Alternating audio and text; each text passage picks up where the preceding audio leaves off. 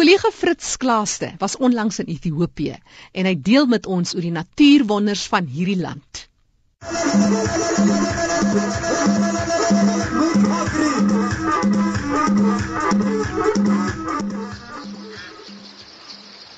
Vandag staan ek in een van die mooiste gedeeltes in Ethiopië, baie bergagtig, want vandag kom die Sof Omar grotte aan die beurt.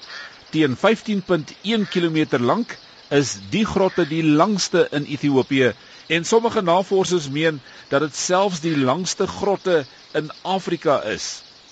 Die Sof Omar grotte is geleë in die oostelike Oromia streek van die land En die streek is ook die besproeiingsvlak van die Wahib rivier of dan nou die Gestro rivier en die rivier vloei ook vir 'n gedeelte deur die grotte. Die grotte word as heilig geag deur die Islam en die plaaslike Oromo tradisionele geloof en is vernoem na 'n moslim heilige. Dit is Sof Omar wat hier gewoon het en oor hierdie gebied regeer het. Die plek waar die rivier wegsink in die grotte staan bekend as die Ayu Mako en dit is eintlik die naam van sy dogter. Dis die dogter van Sof Omar. Die Sof Omar grotte is bekend vir die talle pilaaragtige strukture veral die kamer van kolomme. Die ontdekking van die grotte kan teruggevoer word na Arthur Donaldson Smith en dis in 1894 en die volle 15.1 km is eers in 1972 deur 'n Britse ekspedisiegroep voltooi. Indien mens die omgewing vanuit die rigting van die Gorro in die weste nader, moet jy 4300 meter afsak in die Baalgebergtes saam met die vloei van die Webrivier. Die rivier vorm dan 'n reeks diep gange wat mekaar ontmoet by Ayimako waar dit dan in die grot in afsak. Dit bring mee dat die grot ongeveer 42 ingange het wat almal deur die water gevorm is. Maar slegs 4 ingange kan deur mense gebruik word.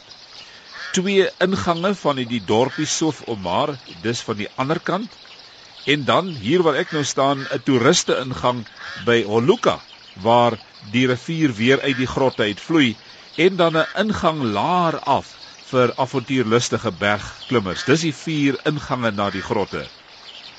Die Chamber of Columns en soos ek dit nou maar direk Afrikaans te vertaal, die kamer van kolomme, is seker die bekendste dele van die grotte. Dis 'n reeks sale met pilaaragtige torings wat lyk asof dit die dak in plek hou. Maar die pilare hou ook noodsaaklike rekord van die riviervloei en dan die vloede tydens elke reenseisoen. Sommige van die pilare is tot 20 meter hoog. Nou kan jy 'n idee kry van hoe hoog hierdie saal is.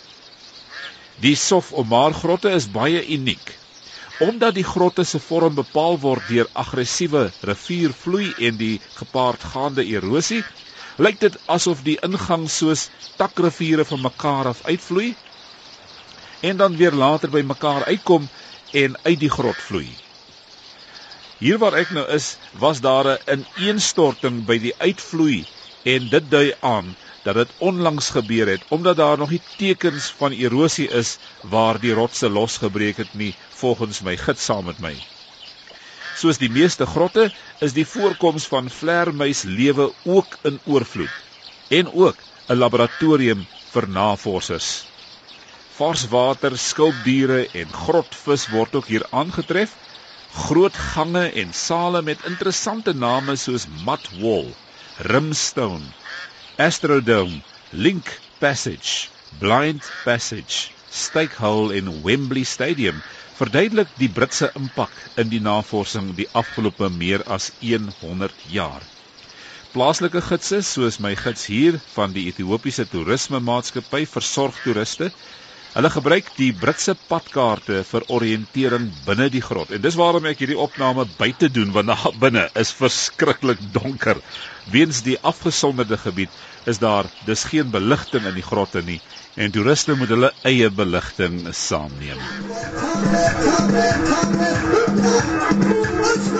En dankie aan kollega Fritz Klaaste wat vir ons so lekker saamvat op sy reis deur Ethiopië en ek hoop hy het 'n lekker kop lig gehad daar in die donker grotte toe hy uiteindelik gaan kyk het wat regtig daar binne aangaan.